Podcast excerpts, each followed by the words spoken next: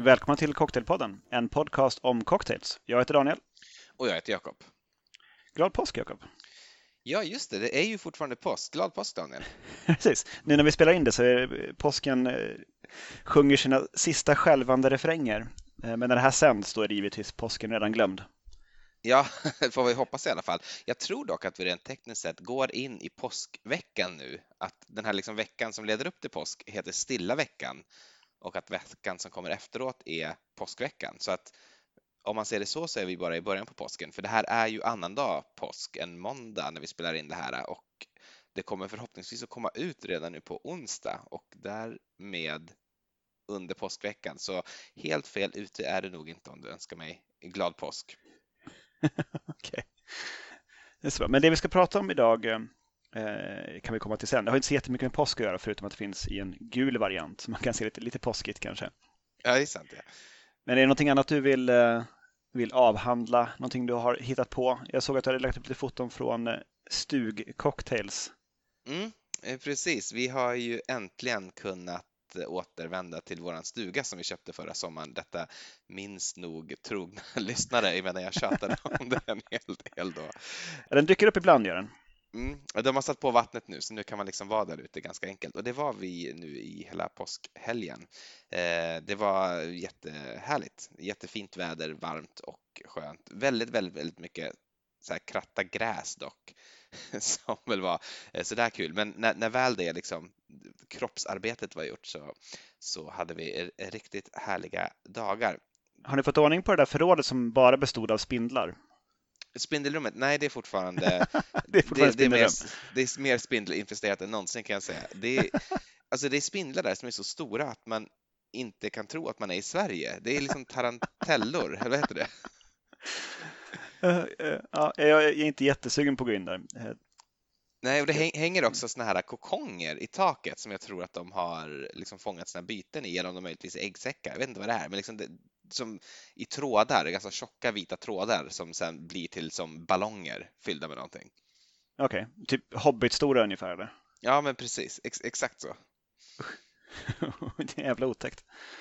Men ni kommer behålla det som, som det är, för det är någon slags viktigt habitat för jättespindlar.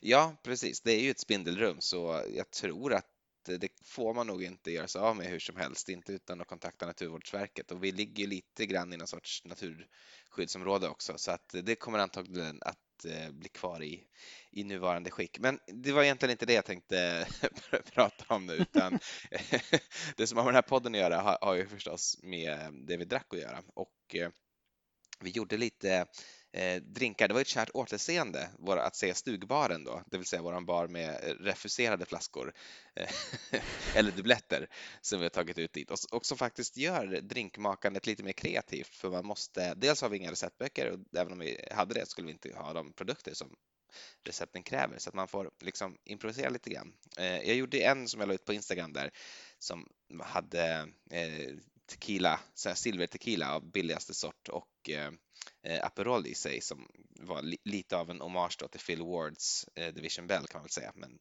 den har ju eh, den andra agavespriten eh, med skall. Eh, väldigt god, men eh, skulle också vilja berätta om en drink som vi inte la ut. Och eh, det var en, en, en kirsch eh, sour, men istället för socker så hade vi mera kirsch, det vill säga maraschino-likör, fast av märket Mondo. Okay.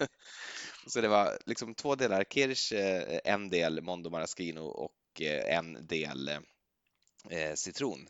Försiktigt baby, det är mycket körsbär. Ja, det var mycket körsbär, men den vart alltså super, super god verkligen och så enkel och så god och mig veterligen så finns det ingen annan känd sour som, som är smaksatt med körsbär och körsbär så jag eh, känner mig ändå eh, som att vi, där, där har vi någonting. Det kanske inte är en ny valborg, men definitivt någonting som man borde kunna kapitalisera på. Ja, men har ni något bra namn på den eller? Eh, nej, inte än. Jag tänkte att jag skulle försöka göra den hemma också med maraschino eh, alltså Luxardo Maraschino och eh, den här Cartron Kirsch som vi har i liksom A, A-baren hemma i lägenheten. Så jag kanske får återkomma efter det. så, ja. så Apropå valborg, så jag har ju haft eh, svärföräldrar och, och svåger här över påsken och eh, då gjorde vi ju valborg. Eh, en hel, liksom, en hel meter med valborg blev det. Ja, gud vad fint. Och jag ja, gläder det och, och jordgubbar med, som garnering på kanten också, vilket gör det hela ännu bättre. För att då får man liksom doften av färsk jordgubbe på näsan. Ja, och du la ju upp, eh, det var väl innan det i och för sig, men en bild när du hade eh, bjudit Emily på en valborg med just en jordgubbe som Mm. garnering och eh, rasande tjusigt verkligen. Ja, det är uppskattat av alla. Folk, folk kan inte förstå att med de ingredienserna att det kan bli så gott. Och att någon som inte är en, en, en känd bartender eller Hemingway har kommit på den. Liksom. Varken en känd superut eller en känd bartender, alltså det är ju fantastiskt. Ja, den kom lite grann in från, liksom från eh, left field där. Ja, verkligen. Men vad, ro vad roligt då att den röner sådan uppskattning. Jag hoppas att den kommer att eh, fortleva. eh, Jag, under jag skulle gärna beställa till. den ute på krogen, men det är sällan jag ser eh, eh, Tequila Rose och punch i, i backbaren på samma bar. Ja, det är sant. Framför allt är det ju Tequila Rose tror jag som kan vara svårt att få tag på. Möjligen skulle man kunna, har man någon annan liksom jordgubbslikör så skulle man nog kunna bara ha den och lite grädde för att få ungefär samma effekt. Men Det är ont om dem också, Mm. alltså jordgubbslikörer överhuvudtaget. Ja, det är ju det, tyvärr. Nåväl, ska vi kasta oss rakt på ämnet eller? Ja, men det gör vi. Det gör vi. Eh, chartreuse. Ja, Både, både grön och gul, men kanske framförallt grön det är väl det som jag har använt mest genom tiden och även det jag har i flest av mina kreationer eh, framför mig idag. För övrigt vart de alla väldigt snygga måste jag säga. Eh, ser fram emot att få lägga ut dem på, på Instagram sen för att visa upp dem för världen. Det blir liksom snyggt, det blir classy med den här eh, likören. Ja, allting jag gjorde var inte snyggt. Eh, jag kommer att komma till det sen. ja, jag har en liten gissning, jag ska inte spoila då, jag vet heller inte om den stämmer, men jag, jag har en gissning på vad det är som kan ha blivit lite fult. Vi får se om jag har rätt. Jag tror att det är någonting på spåret där. Sen så framförallt att jag, gul chartreuse tycker jag känns som en, en lite sämre chartreuse. Mm. Så dels är den svagare, eh, mindre intensiv och den saknar någonting av det som jag gillar med, med grön chartreuse. Eh, Svårt att sätta fingret på vad. Jag vet heller inte riktigt vad det är och du använde ju gul chartreuse istället för benediktin i någon drink i något tidigare avsnitt. Jag kommer inte ihåg vilken. Mm, med fruktansvärt resultat. Ja, eh, men jag kan ändå lite grann nu när jag har liksom försökt liksom röna ut för mig själv vad smakar gul chartreuse egentligen, ändå lite grann förstå hur du tänkte för att det har någonting av det här liksom lite mörkare, inte bittrare, det är väldigt sött, men ändå någonting som inte är lika pikt och fräscht eh, som grön chartreuse. Eh, och det har det ju liksom gemensamt med benediktin, fast benediktin är ju betydligt bittrare än vad gul chartreuse är förstås, men ja, det, det är ändå liksom lite, lite besläktat, lite som en blandning av chartreuse och benediktin kanske. Ja, kanske det. Uh, Ja, det- den, ja, jag är inte, inte något superfan. Jag tycker de drinkarna som är med gul chartreuse blir lite mindre spännande Mm. än om man hade haft, använt grönt istället. Men eh, tänkte, du har ju hårdpluggat eh, chartreusemakarna, eh, char- chartrusermunkarnas eh, historia och historien kring det magiska eh, receptet på ett elixir för ett långt liv. Eller evigt Just liv till och med, jag vet inte. Ehm, så jag tänkte att det kan väl, du kan väl ta oss igenom den här rafflande historia utav eh, av vändningar och eh, krumsprång. Ja, ska vi börja där? Det är ju, eh, de har ju verkligen, det har ju inte varit liksom en dans på rosor att få det här receptet i produktion. Ehm, jag eh, skrev ner en liten liksom sammanfattning av den här historien tidigare i veckan och tänkte att jag skulle läsa igenom den nu inför avsnittet. Men jag har också varit och firat påsk, eh, så jag kom hem nu precis och har liksom inte hunnit dra en sista genomkörare. Så vi får se lite grann hur stringent det här segmentet blir. Jag tycker att hela deras historik är ganska icke-stringent. Ja, det är sant, så det blir, det blir ändå kon, kongenialt med det i så fall. Så att det, det, det kanske bara är bra. Nej, oerhört, eh, alltså många, många konstiga vändningar och liksom, vad ska man säga, en, en myt, väldigt mytologiserad dryck, men med liksom lite obegriplig, otydlig mytologi. Det är svårt riktigt att förstå vad den betyder tycker jag. Eh, nu är det här visserligen verkliga händelser så det, det, kanske inte betyder någonting men de har ändå valt liksom att, att, lägga fram det här på ett visst sätt. Jag kan säga att historien är till största del hämtad från Chartres egen hemsida men också från andra källor på internet. Men de har sagt ungefär samma sak så det är liksom inga det är inga revolutionerande saker som kommer fram här. Men hur som helst, på de här flaskorna så står ju det ingjutet 1605 i det här sigillet. Du kanske har sett det? Ja, det ser jag. Både på, på den gula och den gröna. Även jag tror att den gula måste vara betydligt yngre som recept. Mm.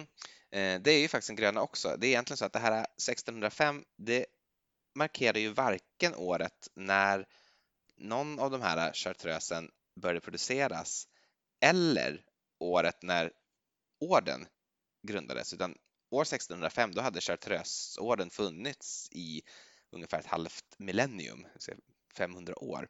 Eh, så, det är egentligen längre tillbaks från 1605 till när Chartreusorden grundades än vad det är från 1605 till idag. Det är ju svindlande. Men då har man inte gjort en, eh, en grön örtlikör de första 500 åren? Eller? Nej, det har, det har, man inte gjort, då. Inte, inte en sån här heller. Men 1605, då händer någonting som blir på något sätt den här dryckens eh, mytologiska födelse kan man säga. För då är det någon i kungens livgarde eh, som av skäl som inte riktigt står klara för mig skänker ett recept på ett livselixir till den här chartreusorden som någon sorts tribut eller, eller gåva. Eh, och det receptet, det är väl typ början till det som blir eh, chartreuse. Nu, nu, låter man det här liksom ligga väldigt länge. Hela 1600-talet går och ungefär en drygt 30 år in på 1700-talet går också innan man börjar liksom säga till varandra att men fan, ska vi testa det här eller? Vi, kan, vi, vi kanske skulle göra det här receptet vi fick. Det, är, nu har det gått 130 år sedan och han har, han har liksom frågat nu liksom, hur, hur går det med elixiret? Eh. Han måste blivit rätt gammal själv, han karln som, som frågade om det. Han dricker ju det här varje dag då liksom och blir bara äldre och äldre. Exakt, så, så 1737 då är liksom den första batchen klar av det här eh, elixiret som då kallas för elixir vegetal. Eh, ni får ursäkta mitt eh, uttal och det är faktiskt en produkt som fortfarande finns i bruk. Eh, så det kan man fortfarande köpa. Jag vet inte om du har sett det, men de kommer i en sån liten liksom träflaska typ. Alltså, tänk som en rysk docka, så du har en liten flaska av trä, men den kan du liksom lyfta på, på hälften som en rysk docka och i den så finns det en liten flaska i glas. Eh, och, och där i hittar du då det här elixiret som då är en deciliter stora flaskor bara. Så det, så det är väldigt små mängder som man kan köpa de här i, så att det blir ganska dyrt per liter. Men en sån liten flaska är inte så där fasligt dyr. Går att beställa från de här internetshopparna som jag aldrig har använt, men fundera på att våga pröva någon gång nu. Det finns ju en del där som inte går att få tag på på Systembolaget. Eh, hur som helst, det här elixiret, det är ungefär grön chartreuse fast liksom starkare. Jag tror att det är en 69% i alkoholhalt eller någonting sånt och liksom ett, en mer intensiv grön chartreuse. Eh, och det här skapas ju då som en medicin från början såklart som typ all sprit har börjat som så börjar även det här som en medicin men man kommer på att det var ju rätt gott. Man kanske skulle kunna liksom göra någon, en, en nöjesdryck av det och det är väl det som då ledde fram till eh, grön chartreuse som sätts i produktion ungefär ytterligare 30 år senare på eh, 1760-talet någon gång. Nu har jag inte årtalen exakt framför mig. Men eh, då börjar man eh, göra grön chartreuse i alla fall och det här eh, håller man på med ett tag, men inte så jättelänge. För 1789 händer någonting i Frankrike som kommer att ställa allt på ända och vet du vad jag, vet vad jag tänker på, Daniel? Kommer du ihåg historielektionen på gymnasiet? En, en del människor börjar tappa huvudet av olika ja, anledningar. Precis. Just det. Eh, franska revolutionen bryter ut. Just och då var inte religion längre så fantastiskt intressant, tyckte man väl ett tag där? Nej, precis. Alla religiösa ordnar blir utsparkade ur landet och förbjuds. Eh, så Chartres måste liksom, hela orden måste bara stänga ner på ett bräde och eh, folk ska ställas då inför rätta för sina brott av att organisera sig för Gud. Eh, och det här händer och eh, liksom produktionen då eh, måste ju naturligtvis upphöra. Vart tar de vägen då? Ja, det vet jag inte riktigt. De, jag tror det var Spanien de, eller någonting. Ja, det kommer senare. Eh, de, de, de, de, de, flyttar till Spanien. Vi ser, de fördrivs massa gånger, som sagt. Det är en turbulent historia med många twists and turns. Eh, nej, men de, men de lyckas i alla fall smuggla ut det här receptet, eller någon av munkarna gör det, och eh, på något liksom lite hemligt sätt så kommer det till en apotekare i Grenoble, en Monsieur Lyotard. Eh, han köper det här av någon person då som, som munkarna litar på, som de ger receptet, men här tänker jag att det är ju revolution. Vi kommer aldrig mer kunna organisera oss religiöst, så det finns ingen vits för oss att ha kvar det här receptet. Så han säljer det då till den här apotekaren i, i eh, Grenoble. Men eh, han, han sätter aldrig igång någon produktion. Han sitter och äger det här receptet, men gör aldrig någonting. Och åren går och det går ungefär 20 år eh, fram till 1810 då kejsar Napoleon skickar ut ett dekret via sina myndigheter att alla hemliga recept skall skickas in för inventering. Och eh, Leotard okay. blir ju, han blir ju nervös naturligtvis för han vet att han sitter på ett hemligt recept och han dividerar hur ska jag göra, hur ska jag göra? Han slutar med i alla fall att han då, han, han, han pallar inte trycket utan han eh, skickar in receptet då på, jag har receptet på chartreuse, det har jag haft ända sedan, sedan 1790 eh, när, när jag fick det efter chartreuse-rättegångarna och eh, får till svar ett refuseringsbrev. Det här är ju, det här är ju ett känt recept, alla, alla vet väl för tusen när man gör chartreuse. Jag vet inte hur man gör chartreuse. Nej, det tror jag inte någon annan vet heller riktigt, men, men, men det godkänns inte som ett hemligt recept och lite oklart vad det, liksom, vad det ska betyda, men de vill inte ha det i alla fall. Så han får tillbaka det och eh, nu har även eh, liksom det här eh, förbudet mot eh, religiösa ordnar upphört så eh, Chartreuse-munkarna är tillbaka vid sitt kloster så han ger tillbaka det till dem helt enkelt och då kan de börja produktionen igen. 1838, då har de hållit på ett tag, då, då börjar de tillverka gul chartreuse som ett alternativ till grön chartreuse och oklart exakt varför de inte då tycker att det räcker med den här gröna varianten men enligt sin egen hemsida är att de ville ha en sötare likör. De tyckte, de tyckte inte att den var, den var söt Grön chartreuse är ju inte direkt osöt. Det är inte den torraste av likörer. Nej, det är inte det. Så jag vet inte riktigt eh, hur det liksom behovet uppstod, vem som liksom, av munkarna som stod där. Ja, jag tänkte på en sak, alltså den här likören vi gör, den är ju god, men tänk om man kunde göra den sötare. Och gul. Men herregud, det går ju inte. Det är, liksom, det är så mycket mättat socker det går. Ja, men om man sänker alkoholhalten lite grann så kanske man kan liksom trycka in lite socker istället. Eh, så att den är ju också då, har ju lite, eh, har ju lite lägre alkoholhalt, men ska då en, enligt munkarna själva då, eller enligt de här Chartres-destilleriet själva vara eh, något eh, sötare. Eh, 1903 så uppstår nästa katastrof. De, de kommer slag i slag, men de har väl ett par decennier där av, av relativ lugn och ro i alla fall där de kan tillverka och sälja chartreuse. Men då eh, förstatligar franska regeringen chartreuse-destilleriet och förvisar munkarna och det är nu de hamnar i Tarragonien i Spanien. Eh, oklart riktigt vad det här beror på. Jag vet faktiskt inte riktigt. För det, det, det verkar inte vara någon sån allmän utrensning vad jag vet. Eller har, är du kanske är bättre på fransk historia än vad jag är, men jag har aldrig hört talas om tidiga 1900-talets liksom, religiösa utrensningar. Men, men eh, de, de, eh, de förbjuds i alla fall, förvisas och eh, det här destilleriet förstatligas. Och staten säljer det till en nystartat Eh, liksom konglomerat av andra destillerier som går ihop och skapar ett nytt då som får namnet Compagnie Fermier de la Grande Chartreuse. Och eh, de börjar då fortsätta tillverka chartreuse.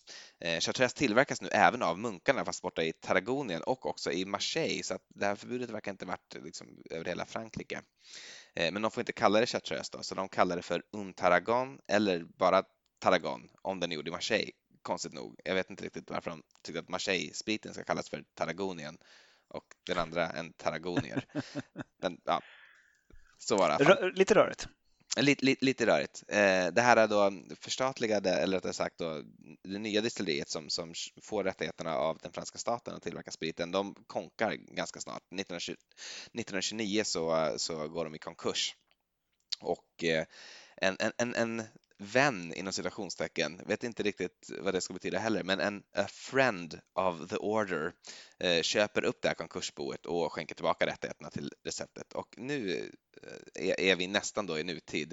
Eh, det är väl egentligen bara en, en väsentlig händelse till ytterligare ett par år senare, 1935. Då kommer någon sorts naturkatastrof som förstör destilleriet så att då flyttar de sig från där de varit till Voiron där de har ett nytt destilleri och det är där de fortfarande är idag och eh, tillverkar sina produkter. Alltså, jag vet inte, för mig är det lite så här eh, en religiös orden som drabbas av liksom naturkatastrof och, och politisk katastrof och liksom allehanda katastrofer som man kan tänkas att man ska drabbas av. Är, är det någon som försöker skicka ett budskap Ska ni hålla på med, med sprittillverkning? Jag vet inte om det... Det, det kanske är att det här är som ett elixir för ett evigt liv och att någon tycker att det här ska nog faktiskt inte folk ha.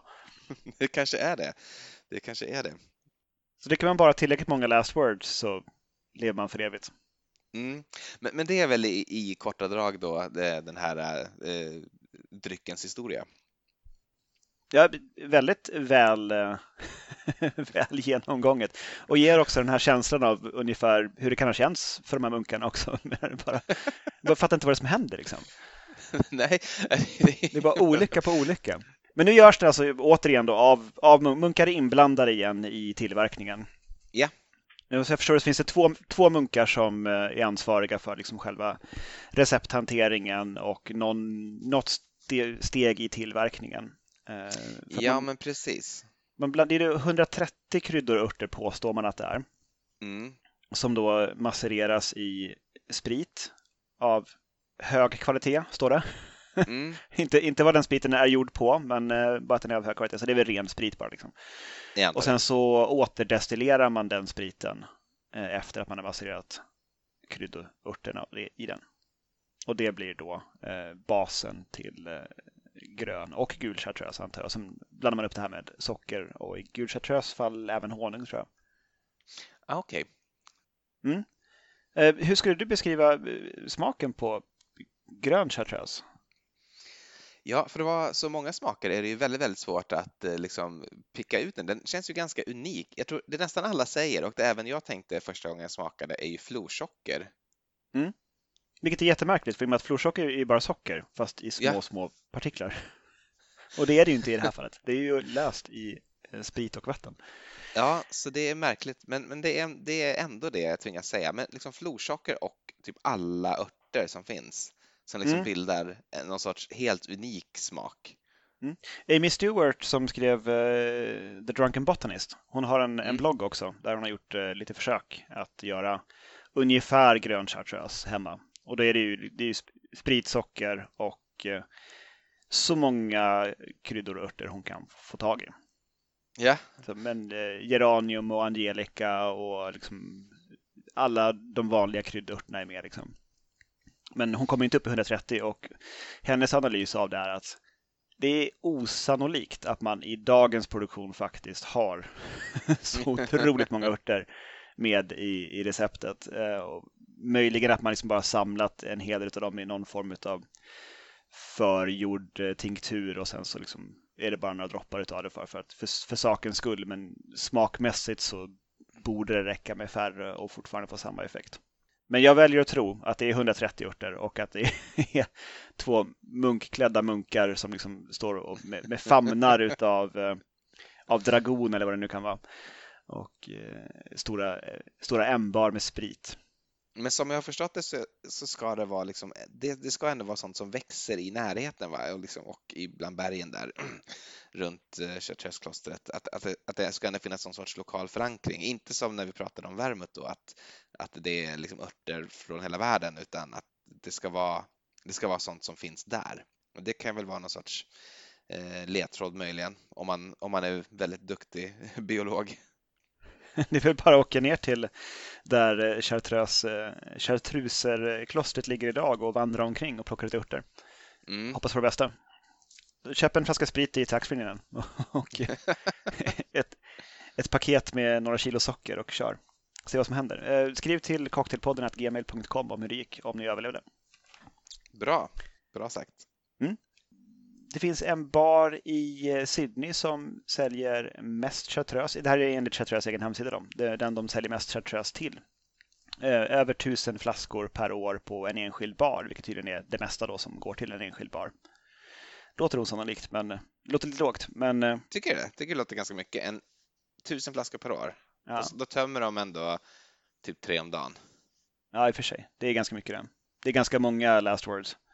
Ja, Men i alla fall The Croft Institute. I, nej, det var inte Sydney, det var i Melbourne. Eh, som är någon form av eh, Science Lab-inspirerad eh, bar. Enligt då Chartreuse hemsidan. de kanske har eh, liksom chartreuse i allt eller någon sån grej. Så skulle det kunna vara. Eh, tid, vi har ju nämnt Chartreuse väldigt ofta eh, i, i podden och har väl också med Chartreuse i redan i första upp, upplagan av nödvändigheter tror jag. Åtminstone i andra. Ja, vi har nog i första, någon av oss, jag tror det i alla fall. Inte säker, men jag tror det. Vi har nämnt eh, Episcopal som är olika proportioner, antingen lika delar eller någon liten övervikt på grön chartreuse eh, av bara grön och gul chartreuse, rörd med is och eh, sirat till ett kylt glas. Men rätt god. Eh, vinner ju lite grann på lite utspädning, eh, de här likörerna Mm. man får och också förkylningen. Chartreuse Hot Chocolate har vi gjort i något avsnitt i vintras. Just det, på recept på flaska va? Det kan, ja, men det var det nog. Eh, men det har jag också sett att eh, eh, Charles, eh, Charles de Gaulle, alltså Mm. Frankrikes eh, president efter andra världskriget och ledare för de fria franska styrkorna under andra världskriget, brukade alltid dricka en kopp med varm choklad med chartreuse innan han gick och la sig. Mhm.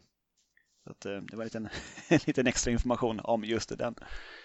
Eh, ap- apropå um, det så kan jag säga att det gör som en liten shout-out redan nu då, till en drink som jag tänkte göra men som jag valde bort i sista stund eh, inför det här avsnittet och som jag inte har testat men som jag tror kan vara rätt god. Den heter Petit Café. Eh, Okej. och är lite grann, eh, så här, så här beskrivs den på hemsidan saveur.com. Eh, almost a cross between a white Russian and an Irish coffee. H. Joseph Ehrman of Elixir in San Francisco created this cocktail which featured potent green chartreuse for the 2006 Chartreuse Cocktail Competition. Eh, Så det är någon sorts eh, eh, tävlingsbidrag då, står inte hur det gick för den, men det ska det vara i alla fall eh, ett och ett halvt ounce med eh, kaffelikör, ett ounce grön chartreuse och en fjärdedels kapp, så det är ungefär en halv deciliter med eh, vispgrädde, lätt viska, vispad och så lite demerara-socker för garnish. Eh, Rör kaffelikör och chartreuse i eh, en isfylld shaker och silar det till ett vinglas, toppa med eh, whipped cream, alltså vispgrädde och garnera med lite demerara-socker. Påminner väl, tycker jag, i som idé kring det här The Puerto Rican. eh, Dominican. har prat- Dominican, förlåt, som du har gjort ett par gånger. Ja, ja, det, ja alltså just det också i hur den upplevs dricka tror jag. Mm. Alltså det är söt och lite gräddig. Jag tror att den kan vara rätt god. Ja, det låter, det låter som en riktig höjdare. Vi får återkomma till den eh, vid tillfälle sen. Vi, kan, vi kanske gör ett, eh, ett avsnitt om tävlingsbidrag och prisvinnare i framtiden. Då, vi kan ta upp den då i så fall. Eh, Jag vill hugga in på min första drink för aftonen om inte du misstycker. Det är jag absolut inte. Eh, Då har jag en Tipperary cocktail Mm. eh, som är två ounce irländsk whisky, tre fjärdedels ounce sötvermouth och ett halvt ounce grön chartreuse. Just den här, det finns lite olika recept. Just det här kommer från Hugo Enslins Recipes for Mixed Drinks från 1916. Och Tipperary, det är en, en ort på Irland som nämns i eh, en av de allra mest kända eh, sångerna från första världskriget. Så It's a long, long way to Tipperary. eh, The road that leads me home eller sånt där sjunger man där. Just det. Då har man också någonstans där på 1910-talet eh, hittat på den här drinken då.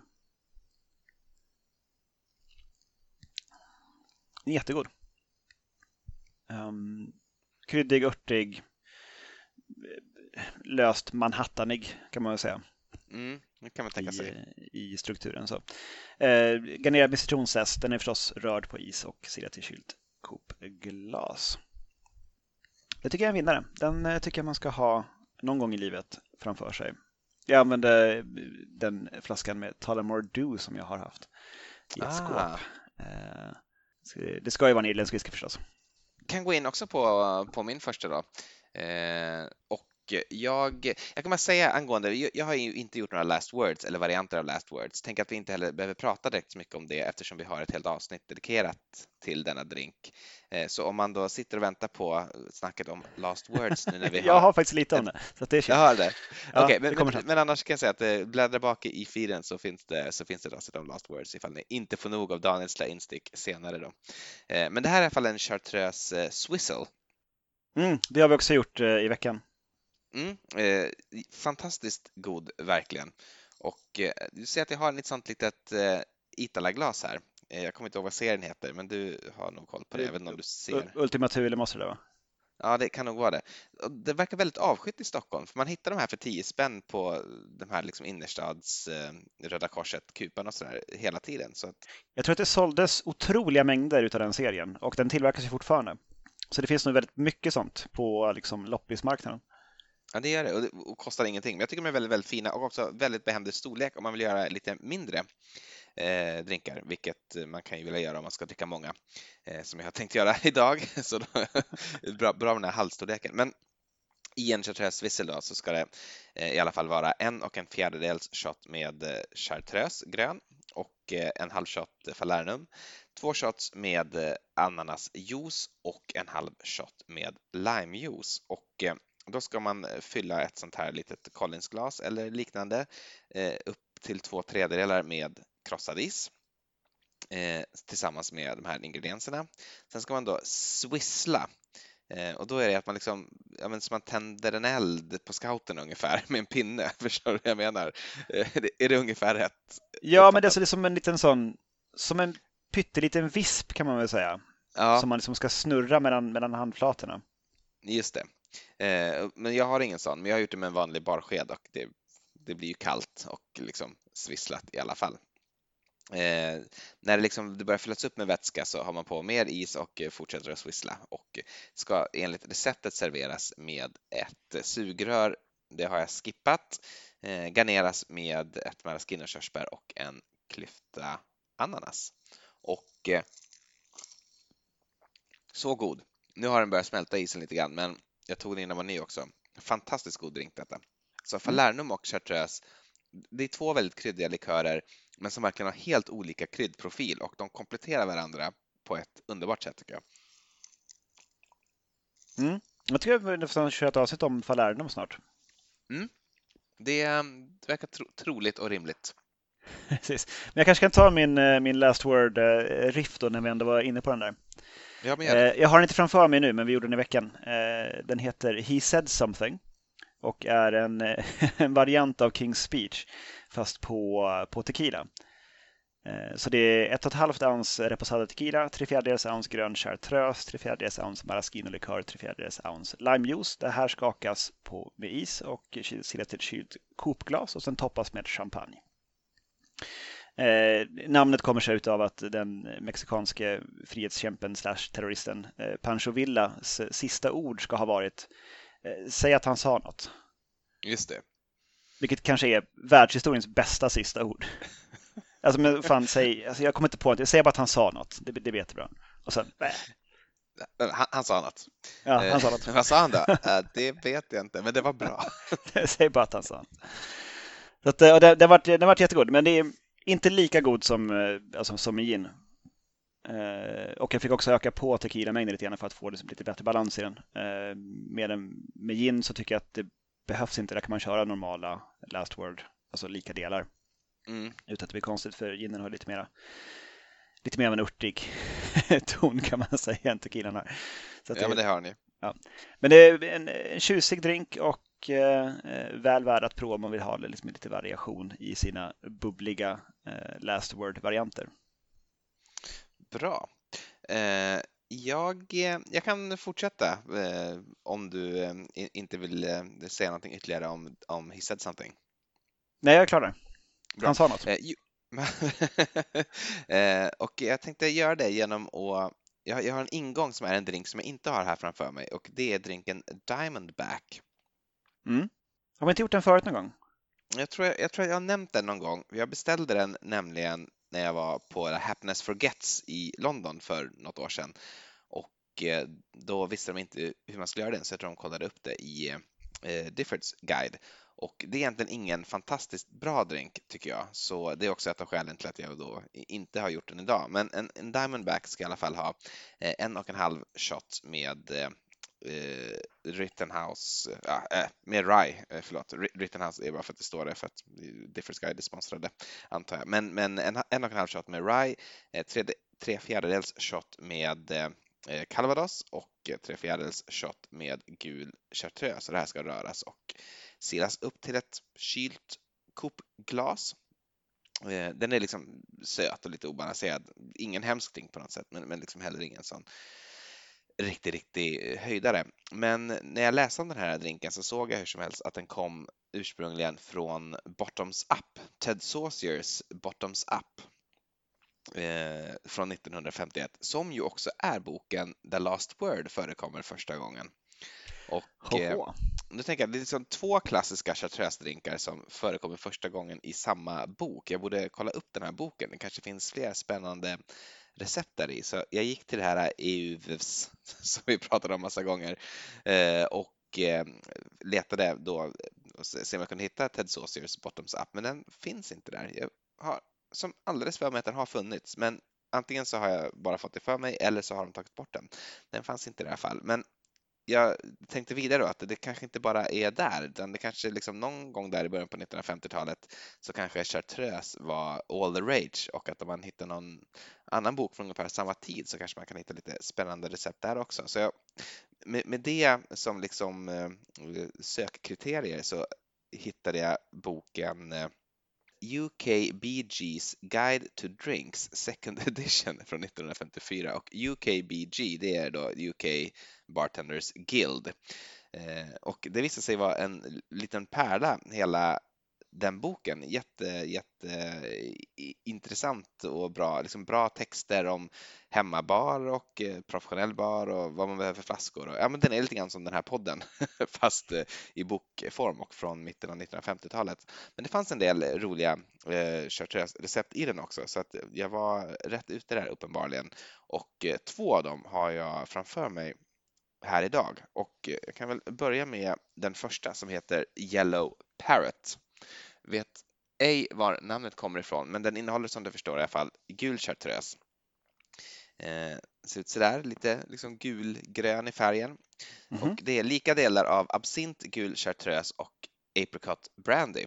Eh, och med det här så tömde jag för övrigt vår flaska med apricot brandy som jag då började nalla på i och med avsnittet Den där flaskan. Så här sluts ännu en cirkel. Mm, stark, väldigt starkt absintig. Ändå god. Jag, jag, jag, gillar den, men jag tror att eh, någon som inte liksom verkligen älskar absint skulle antagligen ha en halv del absint och till en del chartreuse och en del apricot brandy. Kanske två delar apricot brandy, brandy till och med, eh, för att få den liksom mer balanserad.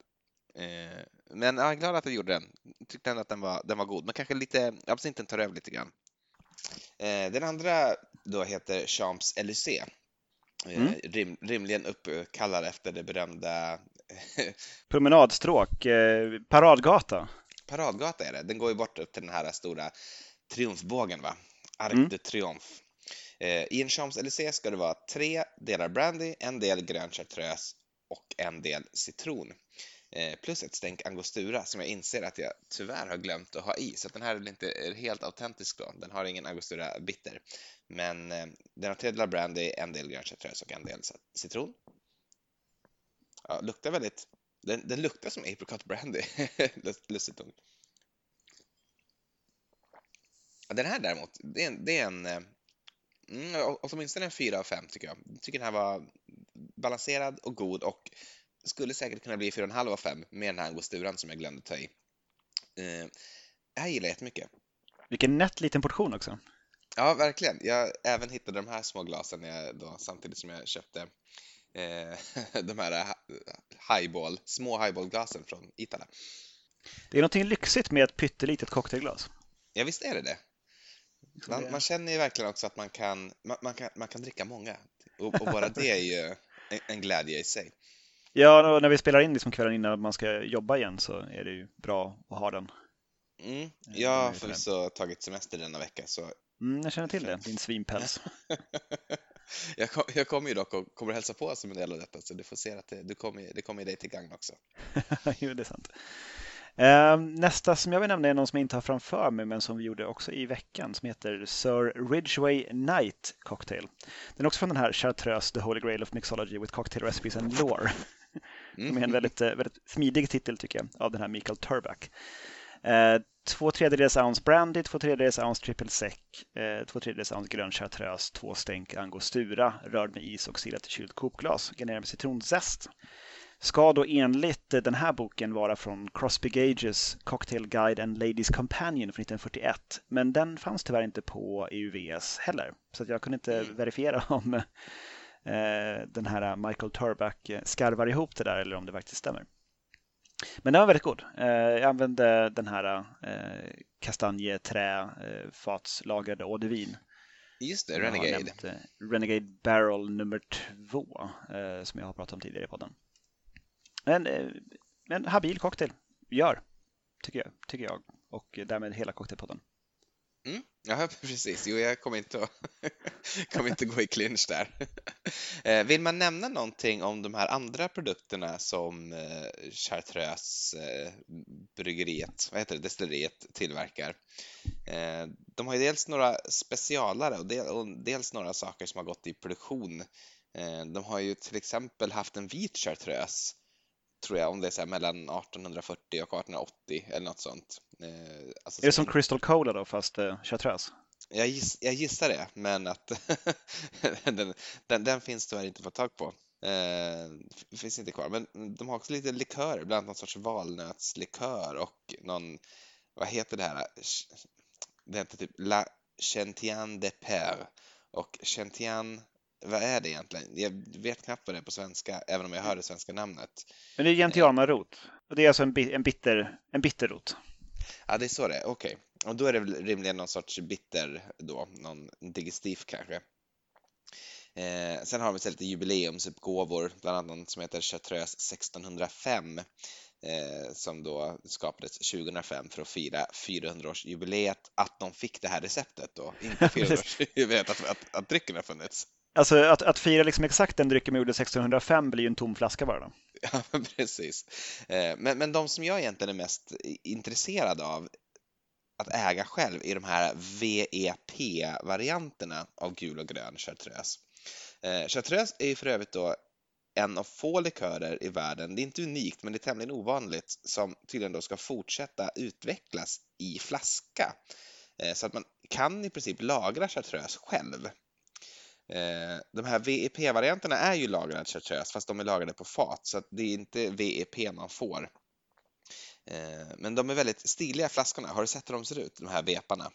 Ja, jo de är tjusiga. Kommer väl också i någon liten träkartong liksom när man köper dem? Ja, precis. Eh, och har ju sådana etiketter som jag tror ska vara se ut som de såg ut från början då i mitten av 1700-talet. Men det vet jag inte om det stämmer. Men, men det hävdar de själva i alla fall, att, liksom, att de ska se ut som de här ursprungliga flaskorna chartreuse.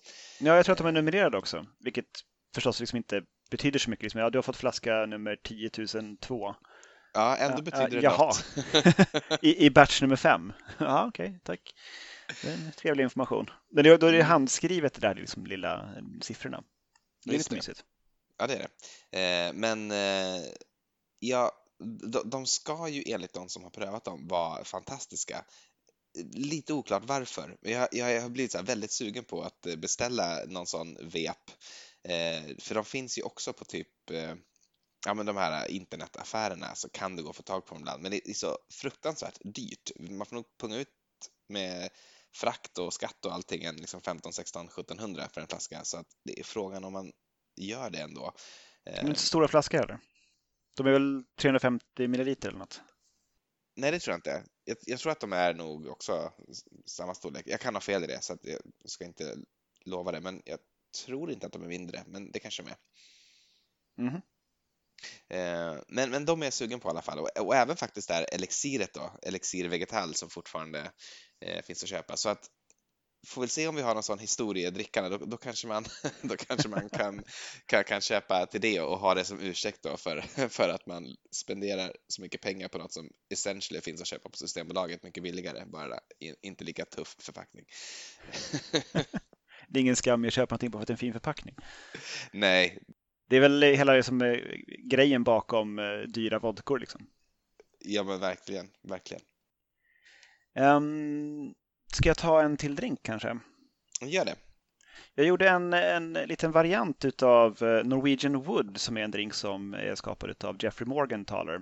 Eh, känd internetbartenderprofil, men han är också bartender också. Han driver Clyde Common och eh, Pepe Le Loco eller något sånt där. Heter han, han har mm. två, två ställen i Portland. Och i hans version då så är det ett ounce med med akvavit, ett ounce Applejack, eller ja, i mitt fall då calvados, tre fjärdedels ounce söt vermouth och då är det Carpano Antica jag använt och sen ett fjärdedels ounce gul chartreuse och ett stänk angostura. Det här ska röras med is och silas i ett glas fyllt med krossad is och garneras med citronzest. Men jag hade ingen akvavit så jag tänkte jag skulle göra en Danish Wood istället. Mm -hmm. Vilket naturligtvis blir väldigt annorlunda för jag är ju gammeldansk idag. Oj! så det blir, det blir en väldigt annorlunda drink än vad eh, den gode Jeffrey hade tänkt sig. Men eh, inte helt oäven. Nu har den stått lite grann, eh, men den var väldigt intensiv precis när jag hade rört den. Eh, Bäskan påminner ju närmast om, om en Campari. Mm. Alltså den bäskan som, som, som gammeldansken har. Den liksom ligger på tungan på samma ställe som, som Campari gör. Så att lite åt Negroni-hållet kan man kanske säga att det här blev. Okej, okay, intressant. Eh, klart värt ett försök. Och jag, man skulle kunna som, finura lite grann med eh, proportioner och sånt för att liksom verkligen tweaka in den, men den här kommer jag nog göra igen. Det är kul också att ha en drink som där gammeldansk funkar. Liksom. Ja, men det, det, det, är inte till vardags som man hittar det. Det är eh, härligt, vad roligt. Mm. Ja, det är jättegod. Jag har en drink, en drink till, sen har jag också en liten, eh, en liten specialare sen som jag tänkte be att få sluta med. Eh, men jag tänkte jag kan ta min fjärde drink då och, och sista. Eh, och det är en Chartreuse Smash. Spännande. Och en smash är ju en, en drink full med färska örter. Visst har vi kommit fram till det i vårt avsnitt om färska örter, att det är det som utgör en smash? Ja, färska örter eller frukt eller bär va? Ja, så kunde det vara också, precis. Vad, vad som händer, bara man smashar dem? Mm, eh, men en chartreuse smash innehåller i alla fall massa mynta och jag råkade ha en, en ganska yvig myntaplanta hemma så att det passade bra att göra den här. Men det ska vara 10 stycken myntablad, eh, ett ounce med citronjuice, eh, två teskedar socker, två ounce med grön chartreuse och det här ska man då skaka på is och sen hylla till ett, förlåt, hälla till ett eh, eh, highballglas fyllt med krossad is och sist av allt garnera med ett par stiliga myntakvistar. Nu har det hunnit smälta en del. Den var väldigt snygg tycker jag när den var ny faktiskt. Och eh, framför allt delikat. Den är väldigt grön. Väldigt grön. Kanske att det här faktiskt är min favorit från idag. Eh, alla drinkar var bra, måste jag säga. Det, det här är ytterligare ett avsnitt där egentligen allt var värt att dricka och jag tror också att mina rejects har, har varit väldigt bra. Det vill säga de som jag tänkte göra men sen aldrig gjorde. Till exempel Cloister. Eh, jag vet inte om du har den där någonstans? Men... Nej, jag missade Cloister. Ja, det, den, finns, den finns med här i min uh, Chartreuse-bok. Mm. Um, jag, jag, tror att det är en av en av de klassiska, eller inte klassiska, men en av de mer populära eh, chartreuse-drinkarna. Den står åtminstone på Wikipedia som exemplet på en chartreuse-drink. Liksom, när de väljer en, då väljer de inte Last Word, utan de väljer Cloister, så det måste ju ha någonting. Det var ett litet sidospår. Eh, den här eh, Chartreuse Smash i alla fall är skapad av Adam Rothstein som står här att han är Beverage Director för New Yorks Bobo Restaurant. Jaha. Ja, bra, bra jobbat Adam. En, en det var fint gjort. Den vill jag faktiskt sugen på att prova också. Mm. Um, ska jag ta en liten historieutläggning då kanske? Hemskt gärna.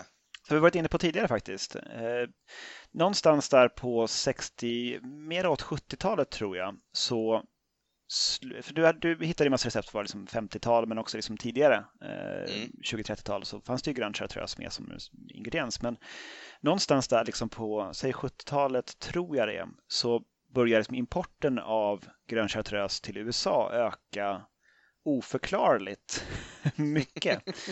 Men det finns faktiskt en förklaring. Det var att man, eh, någon som hade hand om, eh, om importen av grön chartreuse, som hade liksom rättigheterna för det till USA, eh, anlitade en, en, reklamfirma som fick i uppdrag att ja, men nu ska ni sälja den här liksom, franska alplikören eh, med den lite märkliga historien och eh, den här gröna färgen. Eh, sälj, sälj, sälj på, kör! Och då tog de liksom fasta på vad är det som, som är viktigt för ungdomar i USA som vill dricka alkohol? Och vad är det i det som chartreuse har? Och då tog man fasta på att chartreuse är ganska starkt, alltså 110 mm. proof, det vill säga 55 procent eh, volymprocent alkohol. Och sen så kallar man det då för Green Fire eh, och eh, gjorde en eh, reklamsida som jag har hittat från 1976 där det står More bang than a wallbanger, more fire than a sunrise. Och så är det en bild på en, eh, en syltburk med tryckt som det står Swamp Water på. Och så är det också en eh, alligator eller krokodil, det är svårt att se, se faktiskt i illustrationen där, som dricker vattnet som den själv ligger i genom två sugrör. Bara det är ju fantastiskt. Men det då står det, då står det nedanför här. Uh, The power behind swamp water is green chartreuse, 110 proof. It has no mercy. That is why it's called green fire. to sample this powerful drink, legal in all 50 states, ask any bartender to fix a batch. He may say, What's a swamp water? Give him the recipe. to each one and a half ounces of green chartreuse, add six ounces pineapple juice, one quarter of a lime, and ice. Stir. Note: For do-it-yourselfers, one bottle of green chartreuse makes a full gallon of swamp water. Så det, det, det har jag gjort. Um, ska ju då traditionsenligt serveras i sådana här röda solo cups förstås. För det här är ju liksom en, det är en fratboy-drink det här liksom som man ser ju det ganska mycket ananasjuice till ganska lite chartreuse egentligen. Och mm. en förskrämd liten skvätt med lime som liksom ska på något vis balansera upp det här. Så det, det smakar nästan bara ananas. Och det är väl det som är själva tanken också. Men det, det ska ju vara väldigt så här liksom mycket alkohol men ändå smaka ananas så att alla kan bli jättefulla fast de inte tycker om spritsmak. Just det. Sen är det många som har gjort eh, därefter lite mer liksom koncentrerade recept. Man har minskat ner ananasjuicen, man har lagt till tequila och andra saker liksom för att få en, en mer modern drink utav det som fortfarande heter Swamp Water. Mm. Men det här är då alltså själva reklamkampanjens egna recept eh, för Green Chartreuse, Green Fire, 110 proof. Så att, eh, direkt från som det var. Och eh, ingen höjdare. Och det här varit inte heller speciellt snyggt. Det var liksom en, en blekgrön ananasjuice i en plastmugg. Ser det ut som träskvatten då? Är det ett passande namn? Jag tror inte att det ser ut som träskvatten. Okay. Men det finns ju en del recept där man har med eh, blå curacao. Jag tror att det var i blå, blå drinkar-avsnittet som vi pratade om det här.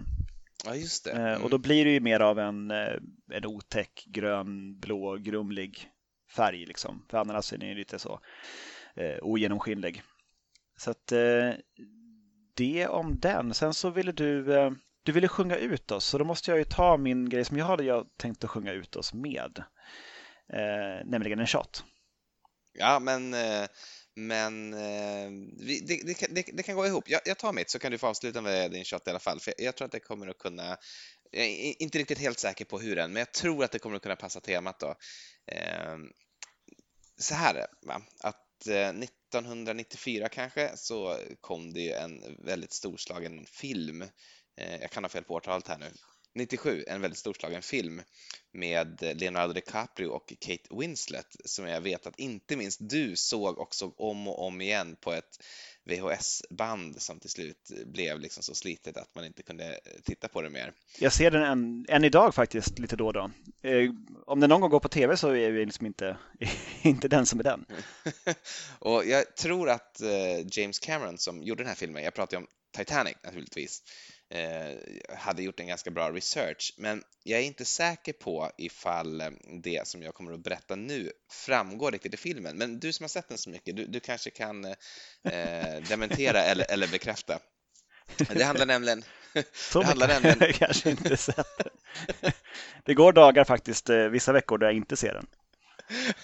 Säger du?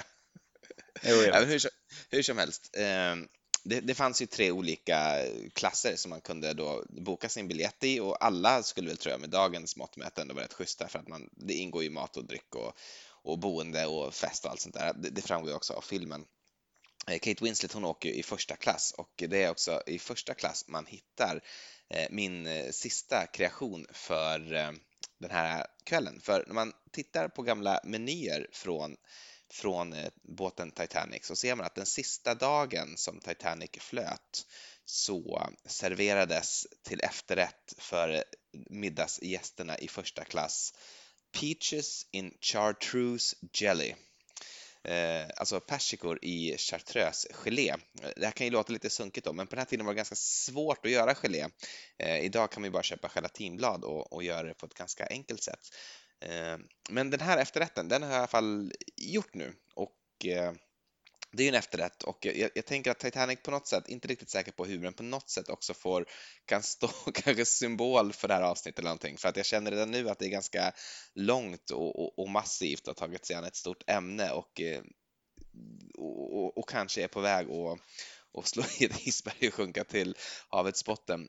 Det får vi se jag, jag, eh, jag, har, jag har hittat en bloggare som har försökt återskapa det här receptet så som det var. Eh, hon eh, hade som sorts projekt att göra alla efterrätter i första klass på Titanic. Och det här blir då den sista bloggposten eftersom det är den, den sista efterrätten den sista, den sista dagen. Så här ser den ut i alla fall. Om någon ser den i kameran Oj. där.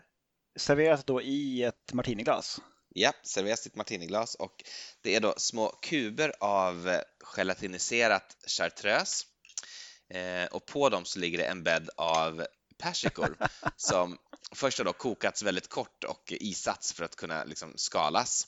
Eh, och därefter fått lägga och, liksom, ligga och, och dra i en sockerlag tillsammans med kanel och eh, nejlikor. Ett, ett, bra tag för att ta, ta åt sig smak av det. Och Eh, ja, jag hugger väl in på den här eh, efterrätten så får vi se om det är eh, gott också. Men du har gjort gelén med typ kokta kalvfötter eller någonting förstår jag? Mm, just det. Mm, inte så dumt. Förvånansvärt gott faktiskt. det ser helt galet ut. Mm.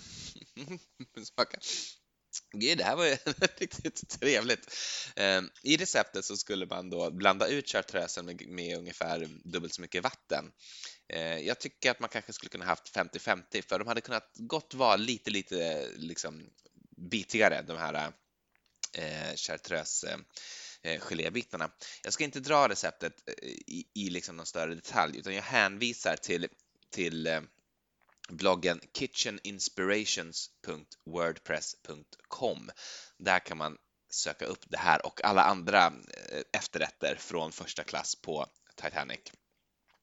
Eh, men eh, det var också en, en, liten sån där historiedrickarna, historieätarna grej då, så det här kanske också kan bli en, en, en ingång till, till ett sånt avsnitt senare i tiden. Ja, det är också liksom en, en liten föregångare då till Jello Shot-avsnittet. Just det, det kan man säga. Men jag tänker mig, tänk dig nu att du står där på Titanics däck och eh, alla livbåtarna är redan fulla och, eh, och nedsatta i vattnet. Orkestern spelar närmare Gud till dig och eh, du, du har e, e, en, en, en, shot i handen. Shoot, Va, vad gör du? Då tar jag mig en, en bijou shot som är lika delar sötvermouth, grön chartreuse och gin. Och den ska vara layered som en postcafé. Oj, och det är den också. Snyggt. Ja, den är fortfarande det faktiskt. Det här var ganska länge sedan jag gjorde den nu. Så den här är ju inte, inte kall. Man ska ju kyla ingredienserna förstås innan och ha ett kylt eh, shotsglas. Men så i vermouten i botten, sen grön chartreuse i mitten och ginen överst. Man kan också röra de här ingredienserna i samma proportioner med is och se till ett kylt cocktailglas och då får man en Amber Dream som jag misstänker är oändligt mycket bättre. Så jag tror att man ska göra det istället. Men nu står jag ändå här och alla livbåtarna är fulla. Liksom att nu, ja, ja. Då får det väl bli en shot då. Mm. Skål och godnatt. Skål, godnatt. Åh, oh, fy fan.